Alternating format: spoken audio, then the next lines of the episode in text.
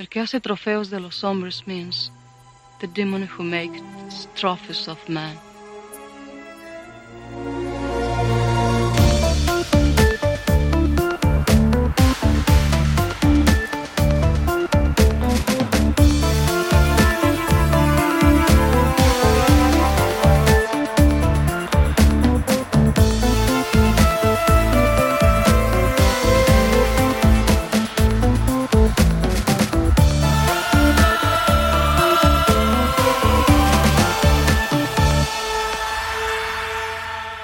Välkommen till skräckfilmspodcasten Vacancy. Med mig Erik Nyström. Och med mig Magnus Johansson. Innan vi började göra en podcast Ja, så skapade vi vår hemsida.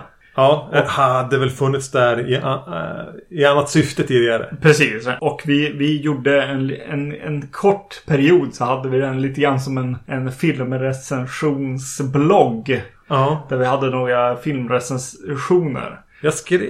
Jag har inget minne. Finns det kvar recensioner där? Nej, nej, nej. Du har rensat det här. Det är nog borta nu. Men jag vet vart du är på väg. Eh, för jag, jag eh, gav, gav lite film eh, en titt liksom. Och så sen bara, ja men jag måste nog recensera en, sätta liksom, vad är en femma eh, här? Fem av fem. Eh, så då gjorde jag en recension på eh, rovdjuret. Och eh, det är eh, Rovdjuret och Rovdjuret 2 som vi ska prata om i det här avsnittet. Del 1 av våran Predator special. Då vi kommer att fortsätta med, ja, ni kan väl kanske gissa. Men eh, nästa avsnitt blir eh, Alien vs Predator-filmerna och sen tänker vi att det här ska kulminera med Predators tillsammans med bio, då bioaktuella The Predator om eh, drygt en månad blir det väl. Precis. Men 5 av 5 satte du som en slags standard här. Yes, yes. Referenspunkt. Eh, Rovdjuret är ju för mig en eh, sån där eh, som du brukar prata om, sådana som man är uppväxt med. Ja. Eh, filmer. Eh, Rovdjuret är definitivt en sån. Eh, jag tror att jag kanske, jag vet inte vad jag var. Var jag 10 eller 11 eller något sånt? För jag minns ju att det här var, jag satt eh, just innan vi spelade in gick jag på toa här och då tänkte jag bara, men vilken var först? För vi var några i mellanstadiet som började se film tillsammans. Mm. Ett grabbgäng, ska vi kalla det för det? När Ja. vi var kanske 11. Jag kunde inte minnas eh, eh, hur det, det stod, eh, uppstod genom att vi började prata om, om Jason och Freddy. Mm. Men jag kan inte minnas vilken som var den första filmen. Om det, det kan ha varit Rovdjuret, men jag tror den var senare. Jag tror att det började med någon av antingen Fredag den 13 del 3, 4 Mm. eller Elm Street 3. Just det. Men det här var en som hörde till det. Och var en sån här eh, mysig snackis. Mm. Jag känner ju att det, det förmodligen var jag som kom med den här filmen utifrån att jag såg den på en väldigt märklig plats eh, hos min granne. Ja, han ja. Jag vill Eh. inte nämna några namn här, men jag vet vem du menar. Just det. Och eh, hamnade där med lite äldre eh, grabbar. Eh, och de, de såg på rovdjuret här. Eh, och eh, av någon anledning fick jag också med Alltså fick jag tag på en, en VHS-kopia. ja, det var du som kom med den. Ja, precis. Jag tänkte alltid att det var typ så här André Jonssons storebror. För Ja, jag tror det var han som försåg oss med, med Elm Street och Just Fredag den 13. Mm. För jag... Mm, för jag minns första gången vi såg den här i våran lilla filmtittarklubb. Mm. Eh, eh, jag, har bara det här minnet av hur spännande jag tyckte det var. Mm. Men det jag minns även var att det var den här brusiga VHSen. Där eh, den började med helikoptern. Mm, som kommer ja. Ja, det var ingen, man fick aldrig se titeln. Nej, precis. Så är ju, så är ju mina mm, minnen av filmen också egentligen. Ända tills någon DVD släpptes eller vad det nu kan ha varit. Som var första köpet av filmen. Eh, att så här, ja, ah, jaha, de visar eh, Ett rymdskepp. komma åkandes mot jorden. Eh, vilket kändes helt bisarrt vid tillfället. Men eh, ja, så det, det var väl just den hur jag kom Eh, till filmen och ser den med de här personerna kändes så här. Ja, det var väl jätteobehagligt. Framförallt är det ju en scen eh, där de hittar några skinnflodda människor i filmen. Det här har vi Eh, pratat om tidigare på podden tror jag. Det här Ja. blev nästan en sån här, vux, alltså en sån här rit för dig att ta dig igenom. Ja, precis. Jag blev, blev eh, riktigt eh, skärrad av det. Det var väldigt eh, traumatiskt i princip. Sättet jag tog mig igenom det var egentligen att se det om och om igen. Efter skolan egentligen. Så såg jag den här filmen väldigt många gånger. Det är det jag har förstått. För jag såg den då och sen såg man den kanske igen. Alltså den, den, den satte, fick en plats direkt. Det var så spännande. Det var Arnold. För jag menar, det var, det var typ, som jag minns det, vårt mellanstadie. Eh, De vi var, lite lös grupp men Jason, Freddy och Arnold. Mm. Det var lite det man kunde välja mellan. när man skulle se film. Ja. Sen när det utkristalliserades mer mot högstadiet, de fyra vi var som hyrde film. Ja. Så var ju du och jag hörde ju till det här Jason, Freddy, Arnold eh, falangen. Mm. Medans de andra två hade väl dragningar åt typ annan actionfilm eller en sån här buddy cup-film. eller Ja. Det var ofta, det blev lite slitningar tror jag där som jag inte har förstått så här, förrän i efterhand. Att, att, jag tror till och med de cyklade ifrån oss någon gång när vi skulle hyra film. Och gömde undan filmer som vi hade pratat om att vi ville se. Vilket förmodligen var någon slasherfilm då. Just det. Mm. så var det nog. Gud vad. Man Ja. var som barn. Ja, men Men yes. även lycklig. Ja. Eh, ja, men det här var en, en av de här filmerna som fick plats. Men jag såg den ju inte på samma liksom nästan så här eh, rituella sätt som Nej, du gjorde. nej. Men, eh, så jag har inte riktigt samma starka förankring. Jag växte inte upp med den på samma sätt. Nej. Även om jag tror att filmer jag pratar om som jag har vuxit upp med. Till exempel då Besökarna från här bara något avsnitt sen. Mm. Så såg jag ju den alldeles för tidigt. Medan Rovdjuret var vi väl lite närmare i att vara i rätt ålder när vi såg. Just det. Så att vi var 11 kanske. Ja. Så var jag... Nej, för sig det stämmer inte heller. Jag var kanske bara 10 när jag såg Besökarna. Men Ja. Hur som helst. eh, Vi bör, bör ju hoppa in här på rovdjuret från 87 då. John McTiernan för regin. Ja. Han blev ju jättestor året senare. Jag tror han blev stor med den här. Ja. Den här men den här tror jag inte var samma. Det här är ju inte en folkhemsfilm. På Nej. samma sätt som filmen han gjorde året senare, vilket var Die Hard. Mm. Då han etablerade sig som liksom re- actionregissören. ja. Eh, vad, vad har han gjort efter? Han har ju gjort, eh, jag, jag tänker på, vad heter den? Gjorde han någon som heter Basic? en av de se- sista grejerna. Eller För hette han, för han har ju suttit i fängelse. Ja, ja precis. Ja, det har han gjort.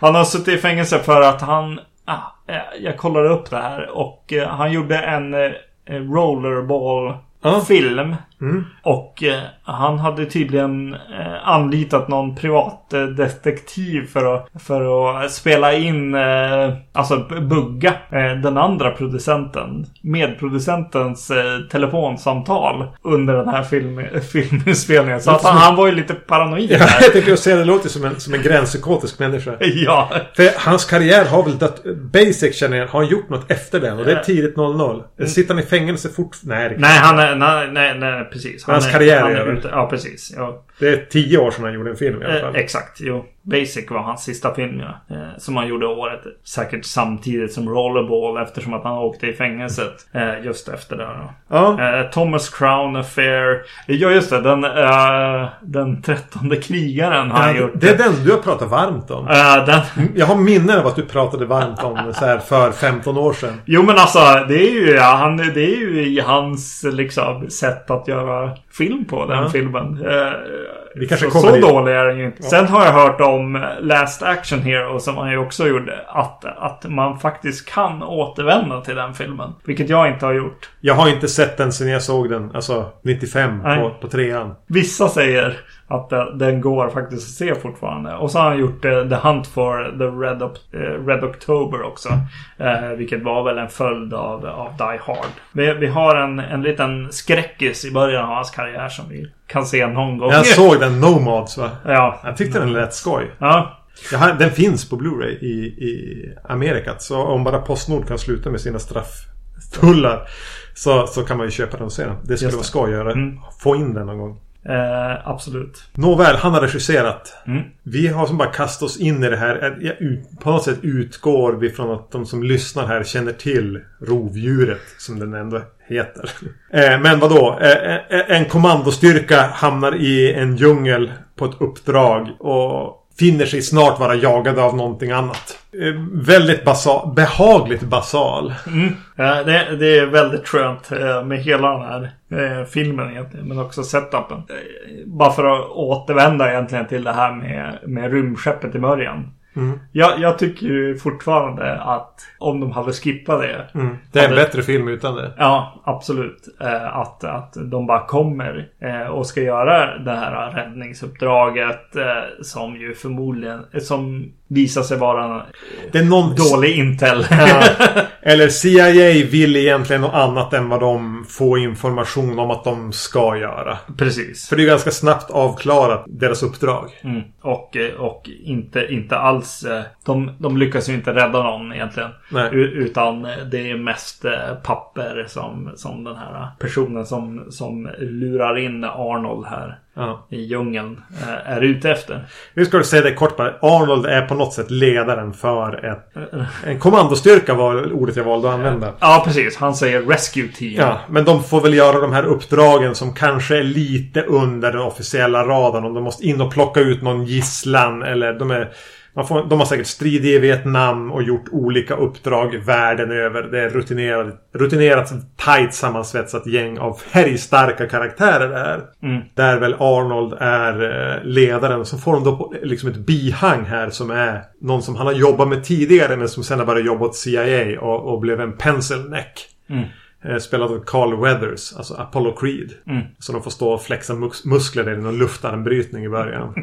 Det är ju skönt. Alltså, eh, det är någonting med, med hela det här introt som, som sätter tonen. Eh, en ton som är eh, uppenbart Alltså han, han sitter till och med och läser en serietidning. Arnold. Någon slags så här, eh, militär eh, serietidning i helikoptern. För att sätta tonen lite grann. Läser Arnold en serietidning? Ja, ja.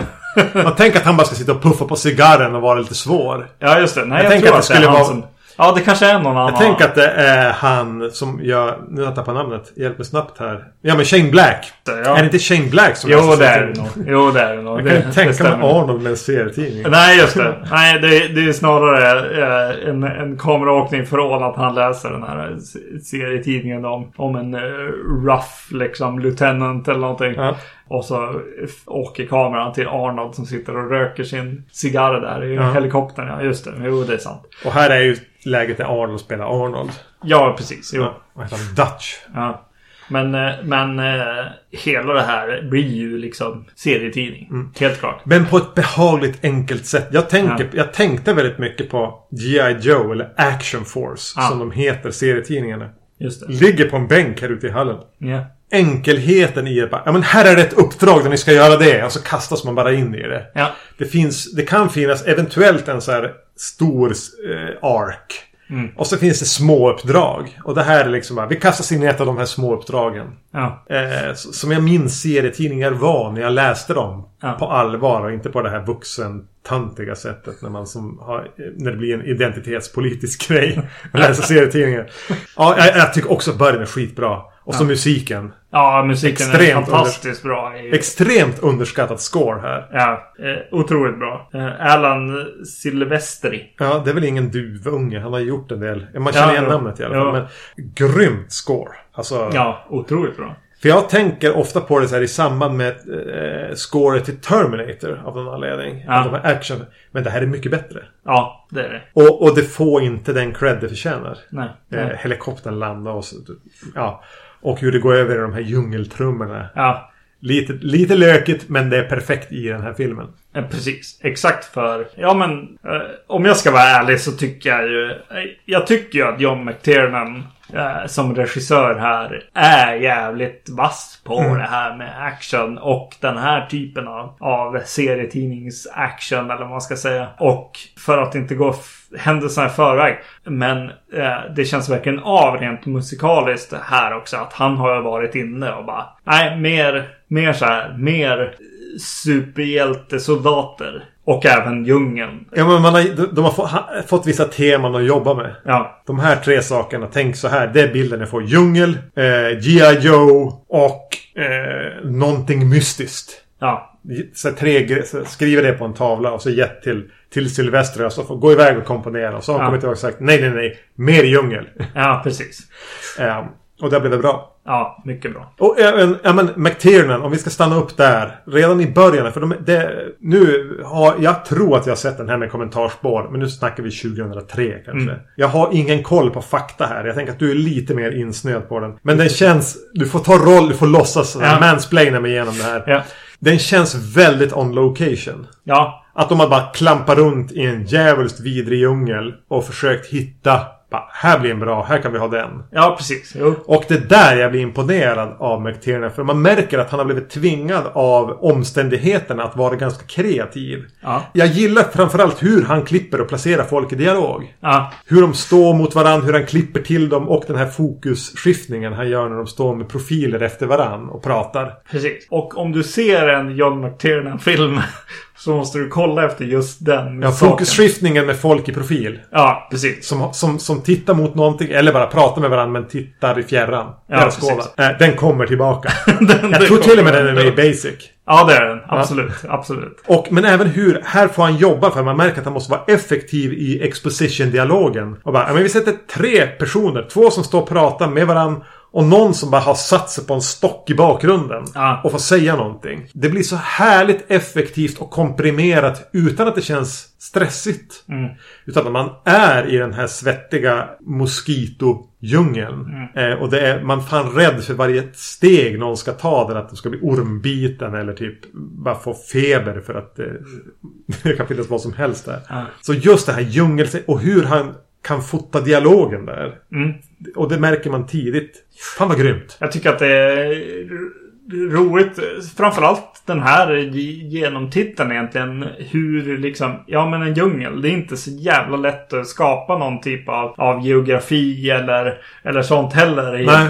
i det. Bara träd, träd och träd. Ja, precis. Men det känns verkligen som att han, han eh, gör det bästa. Eller de gör det bästa av situationen, absolut. Mm. Det är väldigt mycket saker som, som gör sig påminda av vart man är någonstans. Eh, till, mot slutet av filmen så, så åker Arnold ner för något, eh, något stup och det, det är lite så här forsar och, och vad det, vattenfall. Ja. Eh, och de vattenfallen åter, eh, återkommer egentligen i, i Jag tror man presenterar dem innan till och med i en bild. ja, Där de känns väldigt... Eh, de är inte där. Nej. De har använt sig av någon form av optisk illusion. Ja. Men jag vet, de där Vattenfall, de har försökt skapa en plats. Jag tänker mig att någon har ritat upp en liten karta här. Ja. För de pratar om att de är vid ett ställe. De har gjort en räd mot ett, Mm. mot ett läger. Så ska de ta sig igenom en, en da, eh, dalgång. Ja. För att kunna bli hämtad av helikoptern. För det är för mycket gerilla i närheten. Vi ser aldrig röken av de här. Men, men de ska tydligen vara där, men det är för hett här, ni måste vidare. Så ja, och, och att de skapar platser. Det här kan ha att göra med att jag har sett den här mycket. Inte lika mycket som du har sett den. Men att man nästan lär sig känna, ja just det, det var där det var lite grä, högt gräs. Eller det där sluttningen såg ut så. Ja, precis. Exakt. Eh, Men jag tycker de jobbar bra med djungeln. Absolut. Eh, och, och det här var låg budget och det var en oerfaren... Alltså, det här är eh, hans andra regi-credit. Och han, har han, han ska liksom ut i djungeln med... Jag säger inte att det är liksom... Det är inte så att han har Marlon Brando och De Niro dit ut. Men alltså... Det är ändå en massa uppumpade, relativt rutinerade snubbar. Ja. Men samtidigt får man en känsla av att det här är så här bit ihop folket. Ja men nu är vi här, vi ska göra det här tillsammans. Det är ingen idé att gnälla. Nu, nu jobbar vi på. eh, jag har tagit med mig hantlar. Att det blev en liten lag Mm. eh, att bara få ihop den här inledningen. Ja. Sen antar jag att de var osams som satan Ja. under inspelningarna. Det har de nog. Men, men eh, imponerande regiinsats att bara hålla ihop det. Mm. Men, men ja, de snabbt ner i djungel. De hittar de här skinnflodda eh, som visar sig vara typ deras föregångare. Ett annat rescue team egentligen. Ja. Jim Hopper och eh, hans team. Eh, Som som- gick åt helvete för. De hittade Ja. bara tre av dem. De andra tre får vet vi inte vad som Nej. hände med. Scenen när han kryper upp mot det där som du, som, som du fick jobba dig igenom som, som 11-12-åringar. Ja. Den är, för jag vet ju vad som ska komma. Det är obehagligt. Ja. Med liksom den här gröna djungeln och de här ilsket röda skinnflodda liken som hänger liksom upp och ner en bit upp i luften. Ja. Det ja. Jag känner fortfarande när jag vet att det kommer att det är lite jobbigt. Ja, precis. De ser lite obehagliga ut. Och här jobbar ju både, alltså... Vem är det som kryper upp? Är det Det är ju, eh, vad heter han? Billy. Billy?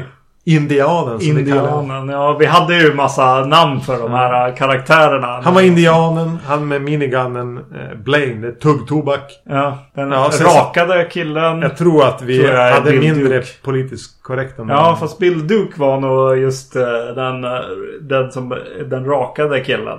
För att han, han rakar sig också. Men eh, han har också rakat huvud. Ja. Eh, Och eh, han som får stocken i magen. Ja.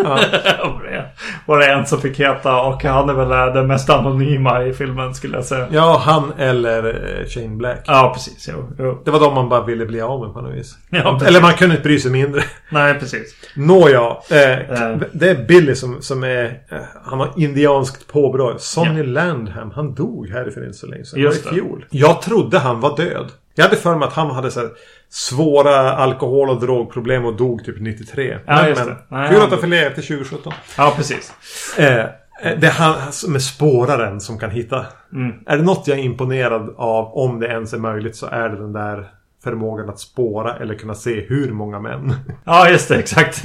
Jag vet inte om det här är en filmmyt eller om det fanns de indianer eller andra som kunde det här. Trackers liksom. Ja. Ja. Absolut. Han kryper upp för ett träd och liksom drar undan några äh, rankor eller blad och så hänger de bara där och fåglar flyger iväg och det blir dramatiskt.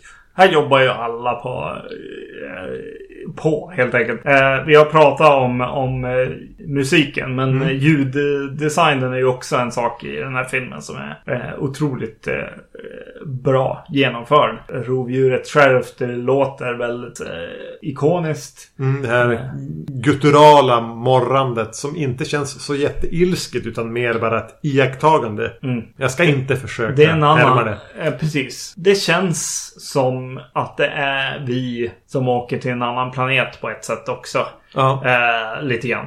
Alltså som, som eh, grundkonceptet här är väl någonstans att han är en, en eh, så här vilt, stor viltjägare. Liksom. Och eh, det, det känns som de håller det riktigt bra i den här filmen. Att, att eh, han gör sig Men han illa och skriker och, och det, det är jobbigt för honom ibland och sådär. Eh, det är inte bara monstret heller. Det är en liten, liten droppe personlighet de ger till, till Mm. rovdjuret här. Men det är ändå... till- Man förstår honom. Och samtidigt blir jag så här sjukt provocerad av konceptet med storviltjägare. Ja, Och det här är ju inga problem att över, överföra till människan som bara jagar inte... Jag har problem med jägare kan vi säga. ja, I viss hand är glad att de finns liksom. För det behöv, kan i vissa fall behövas skyddsjakt. Det kan i vissa fall behövas de som kan eftersöka om något djur har blivit trafikskadat. Eller vad som helst. Eh, så, så ja, jag kan i viss mån vara glad att de finns. Men det är ju någonting lite sjukt med det. Visst är det det? Ja. Jag gillar att döda levande varelser. Ja. Det ger mig ett pirr. ja. Jag gillar inte dig då. Nej. Som får ett pirr av att. Även om det liksom handlar om igelkottar så är du lite sjuk. Kom ihåg det. Ja, Du får gilla det, men du är lite sjuk. Du är ungefär som gynekologer och begravningsentreprenörer. Jag är glad att du finns, men du är lite sjuk. Och, och, och här handlar det om någon som är... Han är inte... Han äter ju in... Vi vet ju... Ja, det kanske vi får veta i tvåan. Men eh, liksom vad hans kost består av. Men här handlar det om att jaga efter troféer. ja, Vilket är ett genomgående sjukt beteende. ja. Det här är så här maskulinitet gone wrong upphöjt till sju. Ja, precis. Det är det Predator står för här. Och det gör ju hela filmen eh, å andra sidan. Ja, ja, ja. på något sätt. Ändå. eh, Med militären och allting så här. Det, det känns ändå som ett, ett ihophållet eh, hållen tematik. Eh, med den här maskulina liksom. Sammanfallet. Ja. Sammanbrottet av maskuliniteten. Ja, precis. Men kom ihåg det om du gillar om du är jägare. Du är lite sjuk. Just det. Ja, jag tycker eh, precis. Eh, när vi pratar om att, att de, eh, de eh, hittar de här liken. Det känns också absolut som att regin eh, och klippning och sånt är liksom yes. Det är på tårna liksom. där. Mm. Eh, absolut. Eh, och, och jag tycker även att det finns så här. Ja men de, de kommer till en. Det här är tidigare i filmen. Eh, de kommer till en helikopter. Eh, som, Som hänger i lianer. Snygg bild. Precis. Och eh, när de väl klättrar upp i det så, så är ju liksom helikopterpiloten där. Alltså är ju skadad. Eh, antingen av stört. Alltså att han har Kraschen, störtat. ja. Eller att det, att det är något mer som har hänt. Eh, men det vet vi inte riktigt. För att det är så lite smakfullt. Liksom dolt. Det blir ingen stor grej av piloten. Nej. Han är den- nästan ur fokus. Ja, precis. Är, eh, han är i förgrunden på ett sätt. Men det är någonting som gör att, att så här, ja, men, eh, vi behöver inte så här, zooma in på massa eh, gore här. Nej. Utan han håller det liksom Ja, men han, är lika, han är lika viktig som en plåtskada på helikoptern. Här är det viktiga att någon har varit där och typ tagit så här radioutrustning och så. Här håller de det vid liv lite grann. Ja, men vad är det som... Är, är det bara en gerilla från... eh, i, oh, gud, vi ska inte ens gå in på liksom de politiska konflikterna som finns här. Nej. Men, va- ja, och vad som händer. Men ja, vad är det egentligen? Och det är det jag minns från första titeln. Här, bara, va, alltså, jag visste rovdjuret. Så bara, och, men vad är det i träden? Och vad är det egentligen som händer? Att det finns ett ganska kittlande mysterie. I alla fall för en 11-åring. Hur det landar hos en, en så här 40-årig gubbe. Det är väl en annan sak. Men Ja. Det, det finns där. Och jag tycker att trummorna, djungeltrummorna, här är jättebra för att förstärka mystiken. Ja. Får jag hoppa vidare här? Äh, vänta, jag måste stanna vid de här liken igen. Ja. För, det, för de som hänger där är ju eh, Jim Hopper och hans, eh, hans gäng. Ja. Eh, hans andra soldater helt enkelt. En, en gammal eh, vän låter det som. Man Eh, tänker någon gammal Vietnam-snubbe eller någonting Ja. till Arnold och... Jag kan ju inte låta bli varje gång jag hör det här att tänka på. Och nu är, nu är jag inte påläst överhuvudtaget. Men jag tänker hela tiden på Jimmy Hoffa. När jag hör Jim Hopper.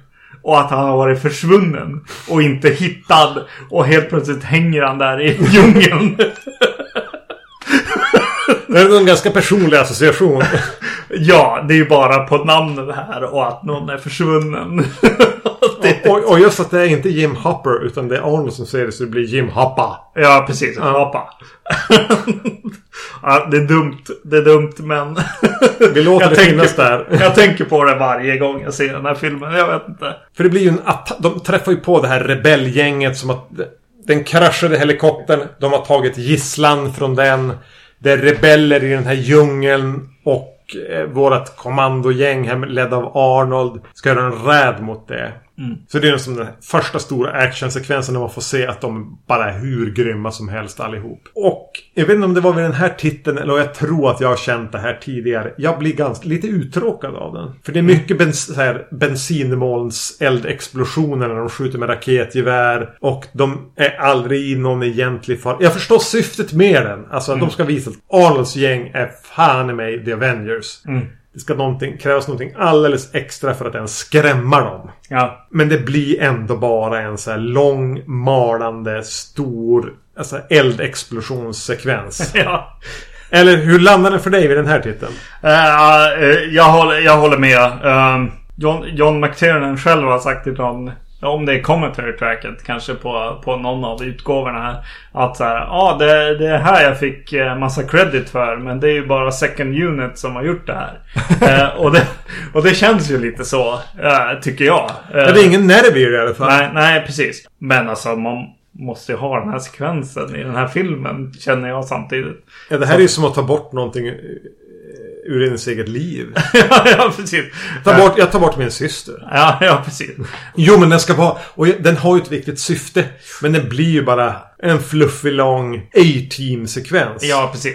Det jag tyckte när jag såg den den här gången var egentligen öppningen var mest det jag kände. När han Med började- handsignalerna och när de ålar ner för slänten. Ja, och då igen liksom det här med ljuddesignen i filmen. Eller musiken på ett sätt. För det vi får höra när Arnold börjar liksom åla sig ner där är att det, det är puttret från den här bilen han kommer att lyfta Mm. vid något tillfälle här senare. Som får bli soundtracket till ålningen ner liksom. Och, och man vet inte riktigt vad det här ljudet är. Så det blir, blir lite av eh, det lite mystiska i musiken nästan. Som jag gillade Ja. när jag såg den nu den här gången. Sen är det ju, alltså, och så blir det ju lite så här. Jo, det är lite jobbiga i, i one-linersna kan jag tycka. I den här Stick around. Stick around framförallt tror jag. Det, det, det, det, Den hör inte hemma här, nej. nej, den funkar inte alls. eh, Medans, medans kanske så här I ain't got time to bleed och sånt. Har lite mer charm Jo, kanske. den, den, mm, Ja. Den sitter. Ja, precis. Men det finns några ikoniska bilder tycker jag. Och jag tycker att det är coolt när han Billy, eh, indianen. Jag vet eh, vilken du menar. Han står i bakgrunden och man får se i förgrunden hur ett gäng av den här gerillan Ja, flyr nästan mot kameran och han står där uppe med någon slags maskingevär. precis. Uppe Ja. upp, upp på... Jo, det är en snygg bild. Ja. Det är den jag tänk, bilden jag tänker på. Är den. Ja. Från den här sekvensen. Och en massa onödiga eldexplosioner. Ja, precis. Men, men den, är, den är fin.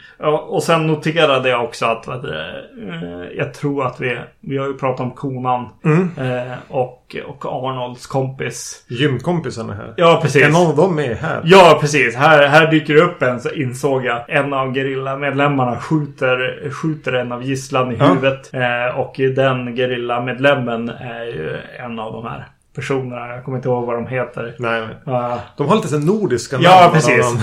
Jag tror att det var han faktiskt. Eh, vad han nu heter. Sven eller vad han kan heta. yes. Som spelar sydafrikansk... Amerikansk. Men man blev ju aldrig riktigt klar på vilka som är här heller. Det är ryssar inblandade. Ja. Och, och CIA vill egentligen göra den här operationen för att få tag i typ papper. Ja, Ja, någon det är, men det är ju inte viktigt. Det, ja, det köper jag bara att det här bara spolar vi vidare snabbt. Men det finns en konspiration där Arnolds gäng har blivit lite lurade. Mm. Men det köper jag att det inte är viktigt. Nej, det är McGuffin. Ja, liksom, verkligen. Fast för CIA bara. Ja. Inte för, för hjältarna. Nej, det är McGuffin för Carl Weathers. Ja, Eller vad heter han? Jag vet inte vad han heter den här. Vi kallar han Carl Weathers. yes. Ja, men det är ju någonstans här också. Kanske före, men framförallt här vi, vi introducerar för att någonting iakttar här. Mm. Och det blir det här zoom, ljudet och en värmekamera. Mm. Och det här var första gången, jag har sett den här x antal gånger, många gånger. Men här var första gången jag tänkte den där värmekameran ser fan risig ut. för jag har alltid tyckt att eh, för att ha, använda sig av en hel del datorgenererade effekter så har rovdjuret stått sig bra för att vara 30 år gammal. Mm. Men nu bara... Ah, värmekamera var en så bra idé. Och framförallt att använda sig av en värmekamera i ett tropiskt klimat. Allt är jättevarmt här. Luften är ju varmare än, någon, än någonting annat. Det här är det de eh, upptäckte. Det här är också från kommentarsspår. Men John McTiernan och grabbarna gissar jag att det tog med sig en värmekamera till djungeln. Och bara vänta nu. Fuck. Allt är jättevarmt. Allt är jättevarmt. Allt blir bara rött. Så eh, han tog, eh, filmade grejer och så vet du, smög han iväg från studio liksom cheferna och eh, gick till bara någon sån här videoproduktionsbolag. Eh, alltså jag vet inte vad, någon reklambyrå eller vad det kan ha varit. eh, som bara eh, skapade de här eh, värmekamerabilderna som du nu reagerar på. Så att de är ju någon slags eh, bara super VHS Ja. liksom, variant. Det Ja. förstår, jag förstår att de var tvungna att göra så. Ja. Eh, Och jag kan ändå acceptera det i kontexten av filmen. Men det här är en utomjordings Mm. värmekamera. Typ. Ja. Men ja, det blir lite för mycket av dem. Och Mm. de ser lite för lökiga ut. Men jag gillar ändå det här bara zoom, Att man får känslan man får av dem. Av att någon iakttar det här. Och just när det kommer in det här ljudspåret som man spelar in. Mm. Och att allt de säger är lite pitchat. Eh, Mm. Det är ett främmande språk för den här varelsen. Försöker kanske bara plocka upp grejer. Förstår jag. Precis. Förstå Försöker eller lära sig. lära sig någonting. Ja, det gillar jag. Det är ju snyggt gjort, eh, hanterat. Man förstår ju det. Mm. Man förstår att den försöker förstå det här. Ja, spela in och spela upp det igen och spela upp det igen. Ja. Så det, men de ser inte... Vid den här titeln ska jag säga såg de inte bra ut. Då såg de väldigt 87 ut. Framförallt, och det är ju så här, kunden inte har klippt bort en grej. Mm. Det är ju när rovdjuret letar sig ner efter den här stora striden. De har lämnat den. Då. Bill Duke har dödat en skorpion på axeln på, på Carl Weathers. Mm. Och rovdjuret letar sig- och lämnar det på liksom en eh, stock. Ja. Plockar upp den och den är så skorpionformad. Mm. Hela den sekvensen. Jag hatar det. Och det, jag, jag tyckte illa om den tror jag redan Ja. när jag såg den. När vi såg den första gången. Ja. Bara, ah, det där... Nej. Ja, jag, här är ju jag eh, absolut färgad av, av alla mina tittare. Jag, Du jag, gillar det? Ja, jag, Eller jag kan inte se... Jag kan framförallt inte se att det är något problem med, alltså rent visuellt med eh, värmesynen. Nej. Alltså hela den så här hur den ser. Inge, inget problem med överhuvudtaget. Men sen eh, den där grejen också. Alltså jag menar.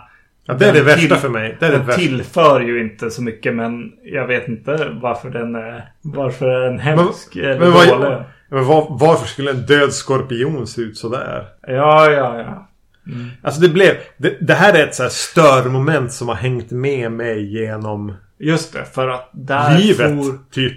Ja, just det. För där for livet ur den. Och så blir den liksom svart. Ja. Fast att han håller i den så att han skulle vara varm då. Ja, Ja. Om man Eh. är varm själv. För han ser alltid väldigt tydlig ut. ja, precis. Jo, men det är han ju. Men ja, ja, intressant. Ja, det, just Ja, den, jag den tänkte- ser mer ut som en tatuering även när han plockar upp den. ja, jo, det gör den ju. ja, Jag intressant. har alltid stört mig på Ja. skorpionen. Ja, jag gör det. Och förmodligen från första titt. Ja, just det. Ja. Eh, eh, värmesynen som eh, moment i filmen är ett, ett vad ska vi kalla det för, ett min, en mindre invändning. Jag Mm. gillar ändå att, att man är medveten om att de är där. Men kanske att det hade kunnat gå att göra snyggare. Mm. Det stör mig åren lite. Ja, just det. Ja. Mm. Alltså, jag blev ju så här, den här gången när jag såg den så tänkte jag så här. Jag ska hitta något nytt Ja, i den här filmen. Ja men det, mm. Vi har ju trots allt en podd nu. Vi kan ju inte bara sitta här och prata gamla minnen. Nej, jag har pratat om den här ja, i hela mitt liv helt Ja. enkelt. Så jag vet inte om det finns något mer att, att säga om den här filmen. Så, så jag, jag provade en idé Ja. eh, i, i filmen som jag måste fråga dig. Tror du att eh, Bill Dukes Åh, jag hoppades att det skulle vara äh, karaktär är liksom the wildcard är kanske lite sjuk. Ja, för det var han jag bara... Jag också så här sökte lite grann. Vad, vad ska jag hänga upp mig på? Ja. Pröv, redan i helikoptern, vilka är så här... Och jag bara, ja men det är Bill Duke som är intressant här. Ja, ja. Eh, jag tänkte att... Och hans viskningar och... och eh, lite, lite unhinged på det vis. Eh, Det känns som han eh, är den som är lite sjuk redan från början. Och, Ja. och, eh, och jag tänkte framförallt på att vad, um, vad heter han? Je- Jesse Ventura.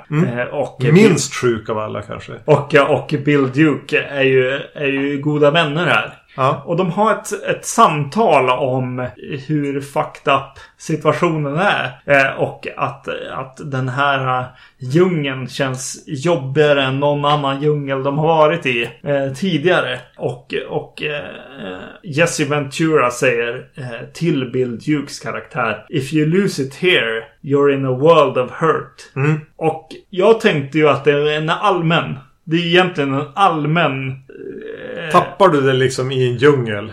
i den här djungeln, då är Ja. du körd. Ja. Men jag började, jag bara testade att så här. Ja, Säger om han du det? tappar det här som du har gjort tidigare. Ja, ja. då är du in a world of hurt. Jo, men jag ser väl lite Bill Duke. Jag ska försöka att undvika att halka in på att kalla honom för Billy Duke. Så det låter som att vi brukar dricka öl tillsammans. ja. Att han har den med flest eh, R från det han har varit med om i Vietnam och deras uppdrag efteråt. Men jag får även känslan av att skulle han är second in command. Skulle Arnold bli, ha blivit, vara den första som blev skjuten så skulle Bill Duke vara ledaren. ja. Så, så att jag får även känslan av att han är den med kanske störst kompetens i gänget här. Eller vem då? Vem tänker... Har du någon, Vem är din second in command här? Jaha, ja intressant. Ja, det är ju Bill Duke. Ja. ja, ja. Han är ju den som har varit med om mest och har här, mm, rationellast koll och mest eh, erfarenhet av att ta strategiska beslut i kritiska lägen. Mm. Eh, Men, eh, ja, han är den intressantaste som är med där. Och nu, men nu, nu är vi lågt, alltså det är låga registreringar på någon slags här, Geiger. Yes, yes. men ja, att han är lite sjuk. mm, mm. Och då är det ändå liksom eh, Billy som är den som bara, bara klär av sig och skära i sig själv. Men han är ju, han är ju den som går från, från ett... eh, Alltså det är ju han som har en, en karaktärs-ark på något sätt. I, genom filmen på något sätt. Att, att det, han ska vara den rationella. Han ska vara den som inte är rädd för, för någon människa. Nej, men det här är ingen människa. Nej, exakt. Nej, nej, det måste man ju. Jo, men det, det blir en sån här liten, liten, liten valnötsstor ark som är ganska snygg. Att, men det här är ju ingen människa. Nej, jag, jag, jag, är, jag är... Det är för djupt vatten. Ja, precis. Då går jag... Då, då ser jag hellre vad det är jag, jag slåss mot. Ja. Och han ger ju upp. eh, absolut. Han säger ju åt alla att vi kommer alla dö. Ja. Eh, och det är inte han som de förväntar sig ska säga det. Nej. Utan det är kanske Bill Duke då. Eller nå- någon som blir galen tidigare. Jag tänker någon stocken i magen eller Shane Black som ska... Ja, precis. Ja. Som inte är beredda på de här grejerna. Liksom. Jag tänkte lite grann vid den här titeln att stocken i magen killen. Dör han ens? Ja, just det. Vi får se. Vi får se. Kanske i The Predator. Ja, just Tar de det. upp den. För skottet han får mot kroppen när han blir li- liggande Arnold bara drar iväg på egen hand. Mm. Vi får se. Kanske lever där ute i djungeln. Lite roligt ändå. Djungeln, var är de någonstans? För jag har läst massor med olika så här, idéer om var de är. För det nämns aldrig. Nej. Eh, någon har, tydligen har du sagt att de är i Guatemala. Som är Ja. någonstans i Mellanamerika. Men någon har presenterat idén att de är i Valverde. Som är en av eh, de inblandade manusförfattarna, producenternas hittepåland. Där de även är i Kommando. Ja, okej. Ja. Jag vet inte om du har tänkt tanken och så, eller du bara tänkt djungel. Jag har bara tänkt djungel. Jag har inte tänkt på det. Det enda som de säger är ju att det är ett litet Litet land. skitland. Liksom. Ja. Och kontrollerat av gerilla. Ja, precis. Och, och, och om det är så att Bill Duke är den galningen som jag såg den här gången. Ja. eh, Så, så går ju det hela vägen. Det, det funkar ju absolut hela, eh, genom hela filmen. Så att det är ju förmodligen så man ska se honom kanske. Ja, lite grann de här de håller. Han har kompetenser som är så pass stora att det är värt att, att ha kvar han i, I gruppen, I gruppen. Ja. Men eh, han är inte den som är roligast att följa med ut och dricka öl efter ett lyckat uppdrag. Nej, precis. Nej, För han bara väser om obehagliga saker. Absolut. Men det är ett, ett, ett, ett rätt härligt gäng när man satt ihop det. Eller så har det blivit det eftersom jag har sett den lite för många gånger. Mm. Tycker du Arnold förtjänar rollen som den som tar sig igenom det här egentligen? Alltså jag tycker... Alltså Arnold i Ja. sig är större liksom. Än karaktären? Än karaktären och... och Nästan än filmen? då, än filmen kanske. Så att han, han, han blir ju den. Mm. Och jag, jag, jag tycker att han gör ett jättebra jobb i filmen. Och jag tror att en del, till exempel Carl, Carl Weathers, hjälper upp honom en Mm. hel del. Jo, verkligen en som är där för att lyfta han. Carl Weathers är mer, mer liksom er- erfaren och, och duktig skådis. Ja. Än Arnold. Men, men han hjälper upp Arnold här. Helt klart. Det är därför stick around-grejen blir konstig. Mm. För att han har inte, inte samma... Eh, Han är inte den kvicka killen här. nej. Här är han mer en eh, som har varit med om lite för många jobbiga uppdrag. Ja, precis. Jag tycker han funkar. Eh, frugan tittade lite, lite slappt på filmen nu också. Eh, igen. Ja. Eh, och, och hon sa han är ju han är ju bättre än någon annan i den här filmen, säger hon. Ja. Eh, och det är ju lite så. För han, han blir, han är en personlighet liksom. Mm. Han har en karisma som har en Ja. tendens att ta över. Absolut. För tittar man på hur karaktären egentligen presenteras och då valde jag så här att applicera ett slasher-filter på den. Mm. För här har vi någon som jobbar i skuggorna och plockar dem en efter en. Mm. Så är det ju Billy, alltså Sonny Landham, som är den som ska lyckas med det här. För han anar före alla andra. Ja, just det. Ja, det är sant. Ja. Han, han, han är ju the final girl-arketypen. ja. Det som gör Arnold till den som ändå förtjänar att bära någon slags fackla vidare. Att han är den som verkligen på allvar lyssnar på, på Billy.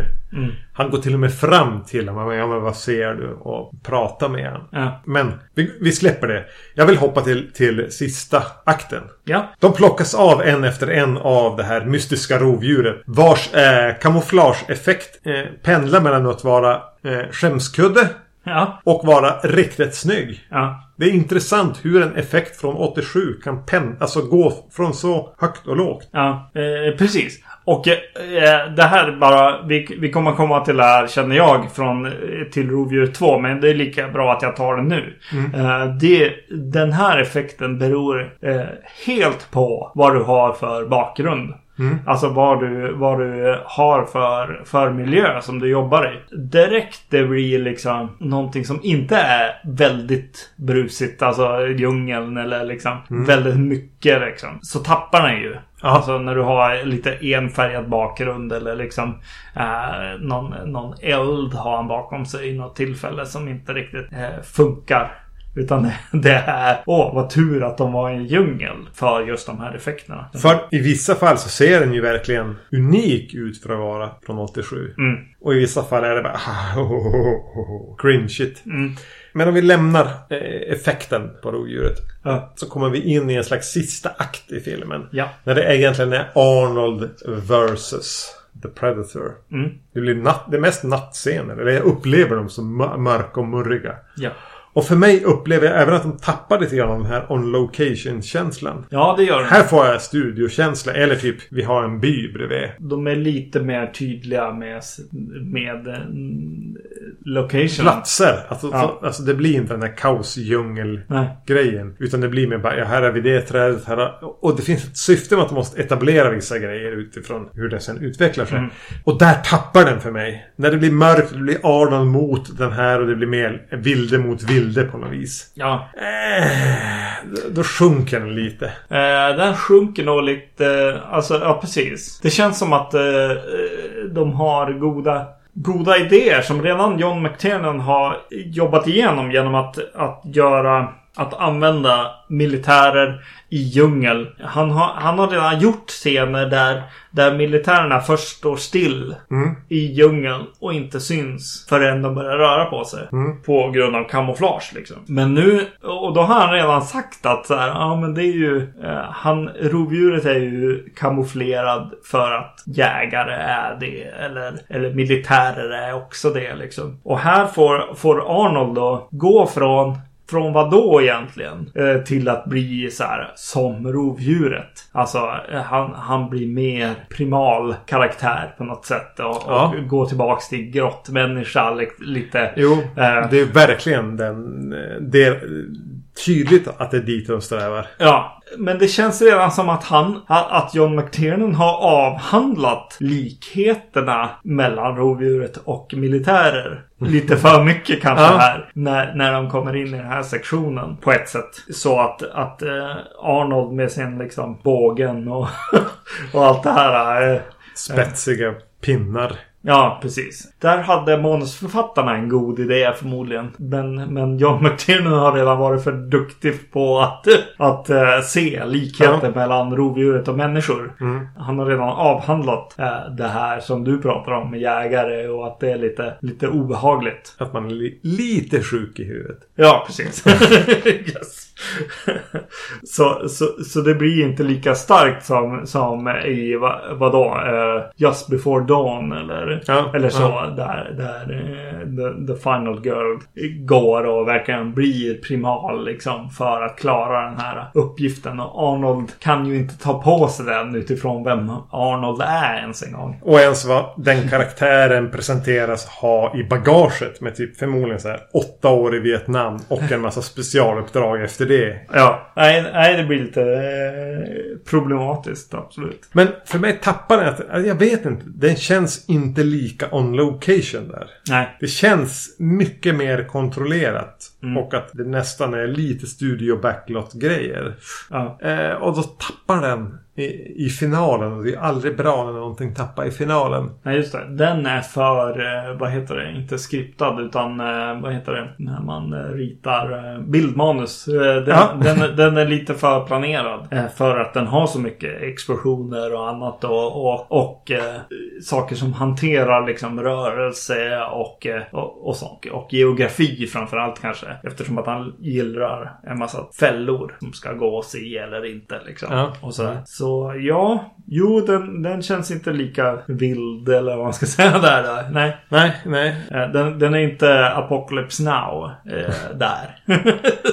Nej. Nej. Ja, vad säger man mer om rovdjuret? Jag, jag måste säga någonting om, om ansiktet på rov, rovdjuret när han väl tar av sig masken. Jag tycker att det är fantastiskt bra eh, makeup här. Ja. Eh, eh, den här masken som de har skapat. Eh, Sanslöst bra. ja, ja, det är något, något där levande eh, här. Delar av käken och de här konstiga tänderna och grejer. Ja. Och ändå ett, någon slags mänskliga ögon i bakgrunden. Precis, och, och, och någonting hjälps, hjälps upp av både rörelser såklart. Eh, Kevin Peter Hall som är någon slags konstig favorit. Ja, ja verkligen. som spelar rovdjuret som, som ju också spelar eh, Harry. I, Harry and the Hendersons. I Harry and the Hendersons eller Bigfoot. Och eh, spöksnubben i skrubben som vi säkert kommer göra någon gång. Det måste vi göra på podden. Definitivt. Ja, mm. På tal om uppväxtfilmer. yes. Eh, han gör det jättebra och den här makeupen av, av Stan Winston och, och, och eh, company Ja. eh, är otroligt bra. Ja men de låg lite på en nivå som var för långt fram här. Jag Ja. tänkte, ja men både hur de designar rovdjuret. Både när man ser honom, jag antar att det är en han. Tidigare i filmen, de korta glimtar man får. Och framförallt när han tar av sig masken och hur den kan röra sig. Och även om man, om man då knyter tillbaka till eh, de digitala effekterna. Att den nivå de låg på 87 och så såg vi den här kanske 90. Eh, så fick ju vi en orealistisk uppfattning om vad man kunde göra med spe specialeffekter. Eftersom de som hade gjort den här låg lite för långt fram och använde dem och här ska väl John McTiernan även ha en, ha, ha en klapp på axeln. Att de använder det lite för smakfullt. För Ja. man överös under hela 90-talet av filmer som hade en högre budget. Mer i, in pengar på effekter. Men en klump, klumpigare användande av både digitala och praktiska effekter. Mycket ligger ju i det smakfulla användandet av dem. Mm. Det är ju betydligt, alltså om man ska börja prata om, om eh, aliens och eh, versus Predator här. Så är ju Predator rent, rent tekniskt, liksom makeup-mässigt, är ju eh, otroligt mycket längre fram. Ja. Än, än Alien. Men nu är den ju det även, även år. Ja. I år. Eh, att den är långt senare också. Men, men det är otroligt häftigt. Och, och framförallt så här eh, saker som är så här hudtunna saker liksom som rör sig som, som hud och så här. Eh, otroligt häftigt att se. Och eh, det var ju jobbigt att få till den här grejen. Det är ju därför han har en mask på sig Ja. i resten av filmen. för, för att det är så jävla tungt arbete som de har gjort här. Men otroligt häftigt alltså. Ja. Och eh, också tycker jag att liksom hur långt de tar krabbegrejen eller så. Att de, att de, är liksom nog mycket där. Så att det blir en unik sak liksom. Eh, rovdjuret. Och att den på något sätt väcker lite frågor. Mm. Den kittlar ens fantasi. Mm. Och det var väl det den här filmen gjorde. Att det blev serietidningar och grejer. Alltså, jag, jag sitter och ser den här filmen och tänker på mi- mitt eh, jobb som spelutvecklare. Ja. Alltså, vad, vad den här filmen eh, har gjort för spel är ju otroligt. Även om det kanske är lite halvnegativt eftersom Ja, ja, att det är en väldigt grabbig film. Men det är så mycket som kommer härifrån. Ja. eh, Till, till hela populärkulturen på något sätt. Jag minns ju att efter vi hade, vi hade sett den här som mest och vi kanske även hade sett, säg kanske Kommando Ja. och någon av, eh, menar om vi ska hålla det till action. Så vet jag att vi satt liksom i ett kapprum där i femman, sexan och pratade om bara Åh, den ultimata filmen skulle ju vara typ Arnold och Sylvester Stallone och bla bla bla. Som skulle inta en bas i djungeln. Ja, och, och här var vi kanske 11. Ja. Och den här har ju definitivt stått för 80% av det. Ja. Kommando för 20. Och det är där spelindustrin är. Ja. Det är där du och jag var när vi var 11. jo. äh, Det här kommer då från mig som inte har spelat ett spel sen... eh, Ja men... Jag var hos en kompis och spelade NHL 16. Och det är det jag bryr mig om. Ja. Så jag har ingen koll. Nej. Döm mig inte för det. Döm mig hellre för att jag ser att jägare är lite sjuka i huvudet som gillar att döda. yes. Jag vet inte. Vi, må, vi måste nästan komma vidare till ja, nästa eh, film. vi får inte fastna här. Eh, vi får inte fastna. Vi kan prata hur länge som helst om rovdjuret. Jag tänker bara notera en, en enda sak. Och det är en endaste liten bild i slutet av filmen. När Arnold står i jätteutzoomat. Eh, Det är ganska mycket eh, djävulskap som har hänt där i djungeln. Och eh, han står i liksom mellanregistret kanske på, på bilden om jag, om jag säger så. Och så sen kommer en helikopter och landar i, i bakgrunden. Alltså vilken jävla bild! Ja. Så jävla sjukt! Det är som en, en poster, ett, ett, en... eh, Tatuering? en tatuering kanske. Nej men vad som helst alltså. Shit vad cool, cool bild alltså. Helt sjukt. Det är ju som, de, som när någon kärleksfullt gör de här postersarna som händer nu med, med många, många filmer som får så här. Ja men det är det här som är. Mm. Fånga upp kärnan på något vis. Ja precis. Få fatt i den där lilla, lilla tråden. Man bara dra i den Ja. och hitta den perfekta bilden. Och det är ju den. Alltså det är ju så jäkla fint alltså. Den skulle jag absolut kunna ha på väggen. Eller ryggen. Eller ryggen. ja, vi får se. Då går vi vidare till Rovdjuret 2. Och eh, här är vi väl kvar egentligen i barndom och ungdom. 1990 kommer den här filmen. Det är därför jag säger Rovdjuret fortfarande förmodligen. Jag tror att det är i resten av avsnittet kommer säkert eh, Predator komma som, Ja. som titel faktiskt här. Men, men eh, just nu så är vi i våran barndom och då hette de Rovdjuret och Rovdjuret 2. För mig existerar den här nästan som en mytisk film. Ja, För när vi hade sett första filmen visste inte jag om att det fanns en uppföljare. Vi pratade om en tvåa. Så någonstans var vi medvetna om det här uppföljarkonceptet. Men, och att man då tänkte rovdjuret i en stad-grejen. Jag menar, vad fan annars skulle man göra? yes. Det var någonstans där vi var och jag vet att någon i våran klass, vårat gäng här mellanstadiet pratade om att ja men det finns en tvåa. Och jag tror till och med eh, Jan, Ja. våran gamla eh, klasskompis. Ja. Beskrev den som att ja, när rovdjuret... Det finns en uppföljare. Och när rovdjuret exploderade i eh, ettan så, så slungades det till en stad och där fortsätter det. Det är jättebra. Ja. yes. Det är en ganska rolig bild man kan få i huvudet av en mellan slash europeiskt land. Hur rovdjuret bara exploderar och bara flyger som en vante. Flera tusen mil norrut och bara landar i Los Angeles. Ja. Men jag minns sen att, att någonstans blev det väl tydligare och tydligare att det fanns den här uppföljaren. Att vi såg den. Och det, jag menar när vi såg första filmen så ska tvåan redan ha haft premiär. Ja, kanske inte mitt fall, tänker jag. Men ja. Ja, jo. någonstans där. Ja, Den ska det är vara- väldigt nära. Ja. Mm. Ja. Men det dröjde ett tag innan vi såg den och så såg man den och sen, ja, var det det. ja. Det var inte som fredag den 13 Elm Street bara jaha, mer av det här. Eller Ja. liksom bara åh jag önskar att det fanns mer. Eller åh jag nöter på med den här uppföljaren. Utan det var jaha det fanns en uppföljare. Okej, vad finns det annars då? ja, precis. Conan säger ni.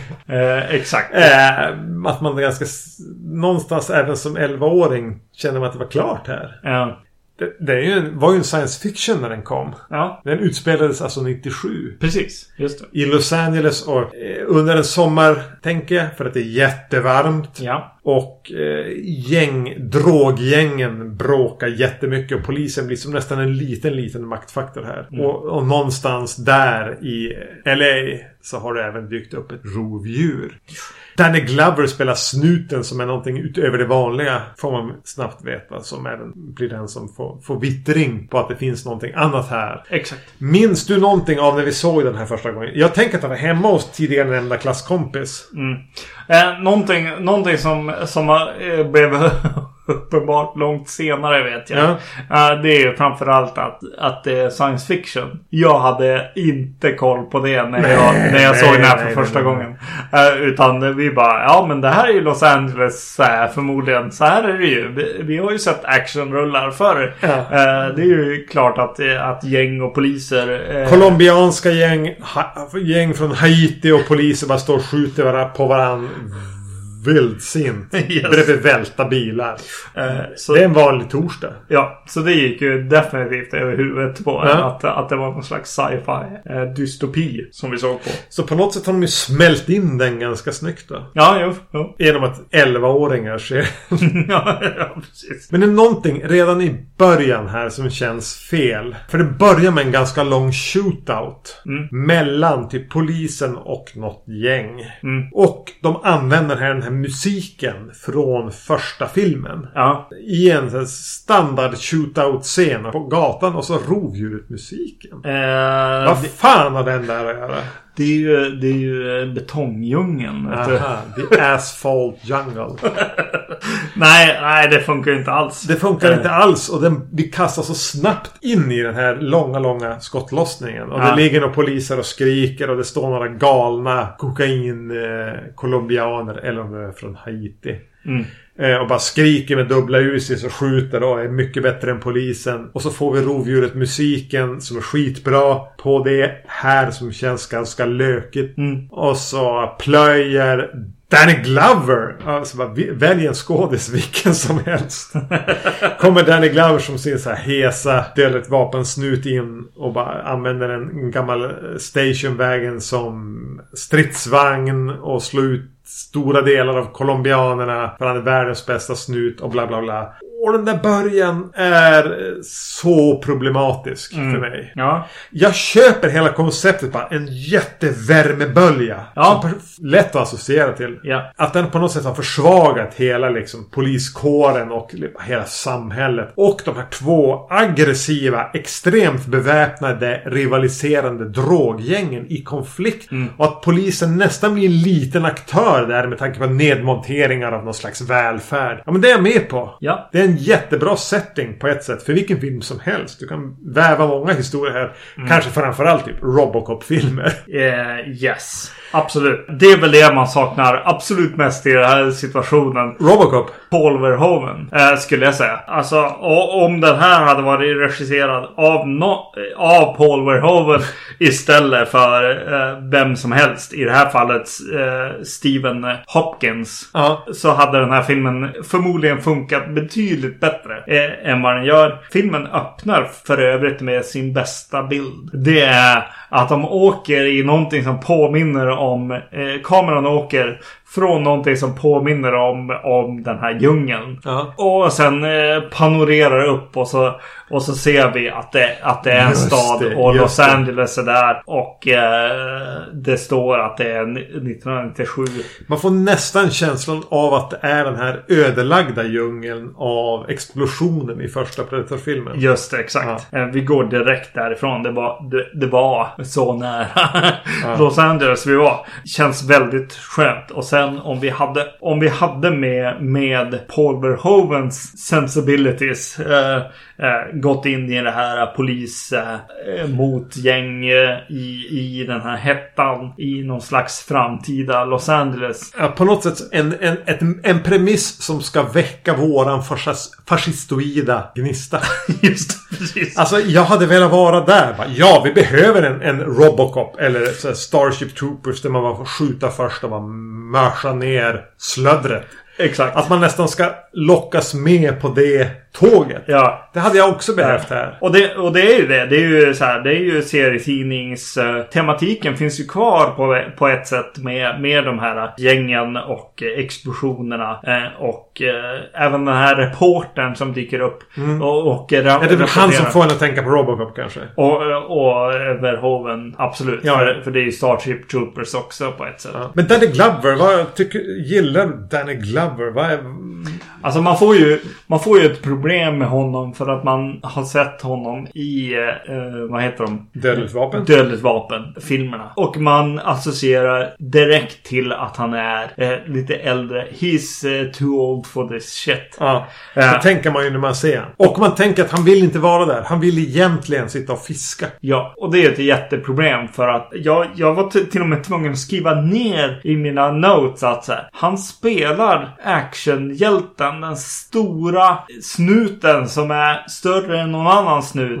Alltså muskulös och liksom Ostoppbar egentligen. Ja, precis. Och jag, jag, jag måste notera det som någon slags... Ja, men tänk på det här Magnus. Han spelar faktiskt den här karaktären. Tänk inte på honom från Dödligt Vapen. Eh, men det går ju inte. Nej, men här blir ju problemet att han var en sto- ett stort actionnamn när de castade här. Ja, De fick inte Mel Gibson. Arnold var helt ointresserad av den här uppföljaren. ja, Eh, så då fick de ta Danny Glover. ja. Det är ju ett jätteproblem för filmen. Inget ont egentligen om Danny Glover. Det här blir som om i Hereditary. Inget ont om skådisarna, Tony Collette och gänget. Men inte i den här filmen. Nej. Du är i fel film. Ja, precis. Men vad tycker du om att han får ett litet gäng här att jobba med? Det blir som en, en, en bantad version av eh, insatsstyrkan i första filmen. Men om han hade varit Arnold så hade det varit coolt. Eh, eh, eller Sigourney Weaver.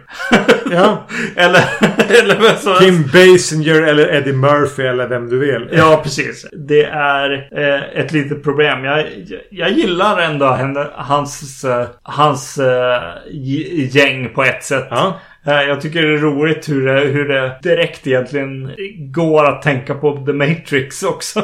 Här får du nog förklara för mig. Jag, jag tycker att här, han eh, som, som eh, han som hittar Ja. Danny, han som spelar Danny. Ja. Han påminner mig jättemycket om han som är med i både The Matrix och Memento.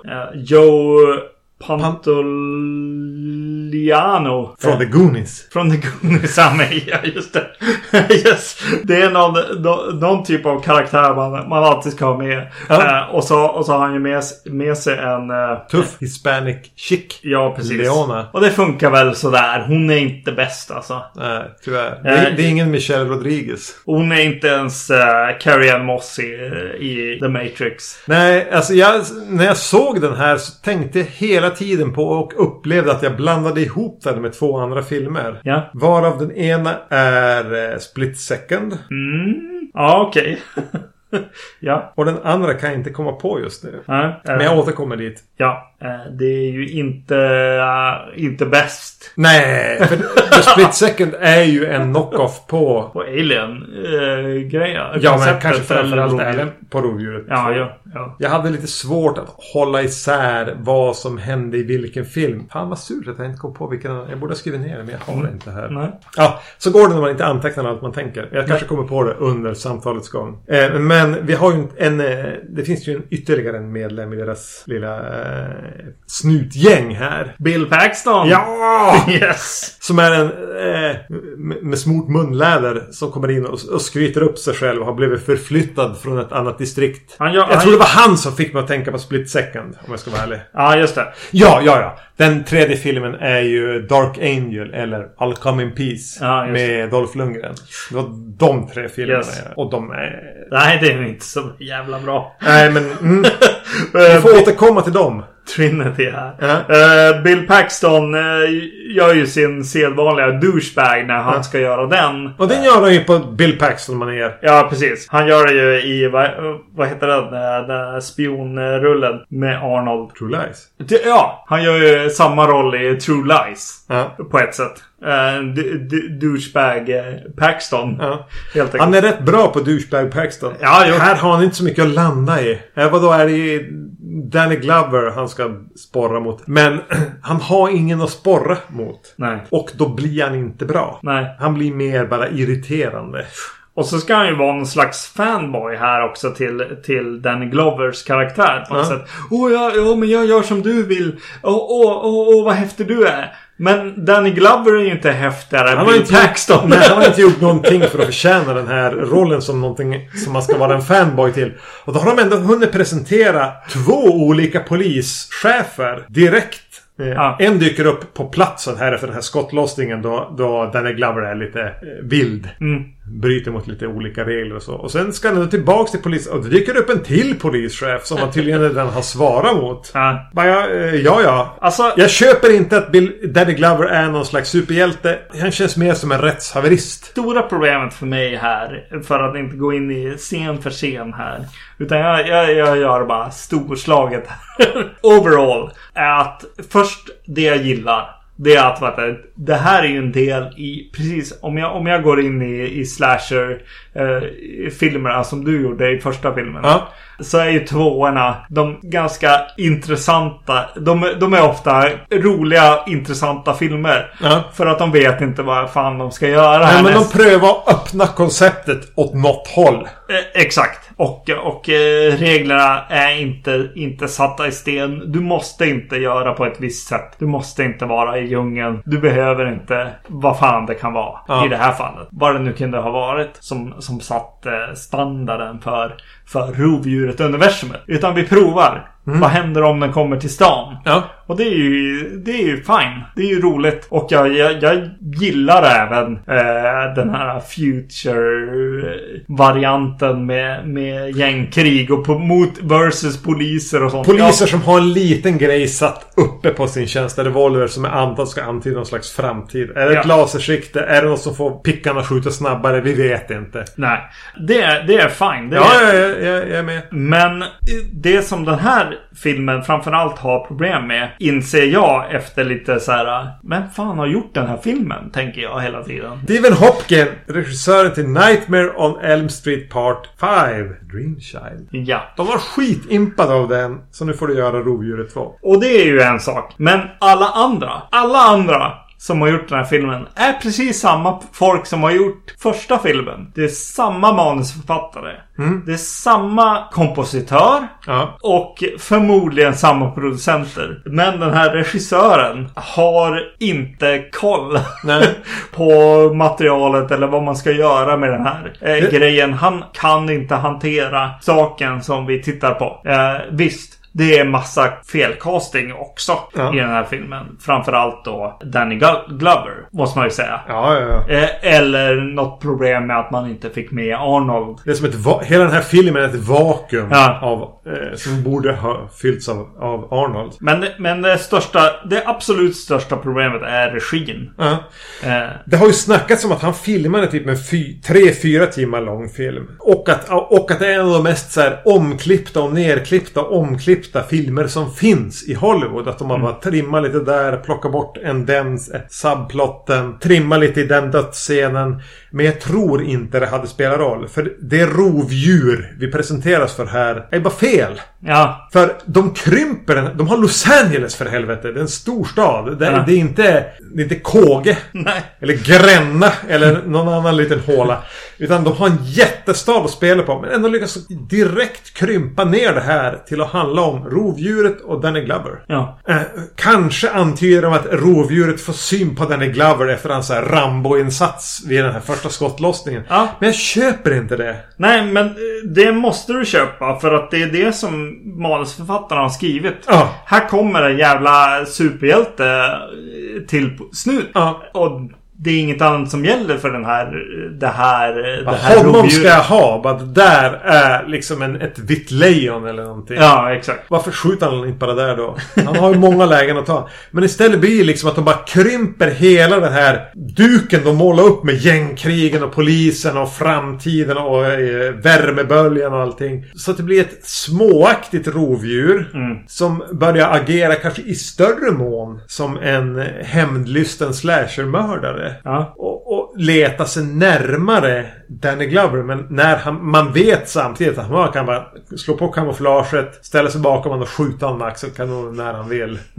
Alltså det, det finns som ingen jämvikt där Nej. heller. Och det blir ett jätteproblem. Istället får man en bild av att rovdjuret blir någon slags rättskipare som jagar knarklangare och de som drar vapen. Alltså att de målar upp den här. De pratar om det i första filmen att han inte dödar de som är obeväpnade. Ja. Men det blir en liten detalj där eftersom alla är beväpnade. De såg lite frön för någon slags lore där. Ja. Ja. Men, men, men skörden blir inget vidare. Nej, nej. Nej. För här blir liksom att, att, att de använder det på fel sätt. Ja. Eh, vilket även krystar fram extremt skitnödiga och tråkiga actionsekvenser som tunnelbanescenen. Det finns en, eh, en grej som de kä- känner förmodligen från första filmen. Och det är ju Contact-scenen. De Ja. måste ha någon, någon scen där eh, alla skjuter vilt. Ja. eh, Runt omkring sig. Och i det här fallet så har de valt att göra den med folk som skjuter mot varandra. Och eh, i, i den här... eh,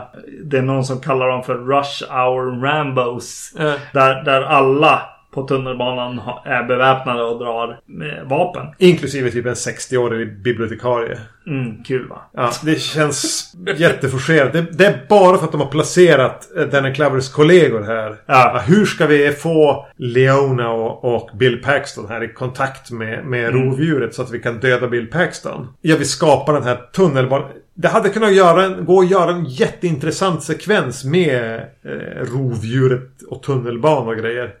Men inte det ni målar upp här. Nej. Det blir bara krystat och jag bara åh, så tar den aldrig slut. Den är jättelång och det finns ingen nerv. Nej. Den hade dessutom kunnat vara spännande, men nej. Det är ju lite, lite så här. Rovdjuret 1, eh, första filmen. Eh, John McTiernan säger jag vill att det ska kännas som en serietidning. Ja. Och då tänker han serietidning som man läser en serietidning. Det är lite spännande och lite häftigt som, som ung. Ja. Men när de gör uppföljaren så tänker de serietidning som lite löjligt och töntigt och någonting som barn. Eh, Ja, som jag ser på det. Som, som barn och jobbiga eh, Star Wars-fans.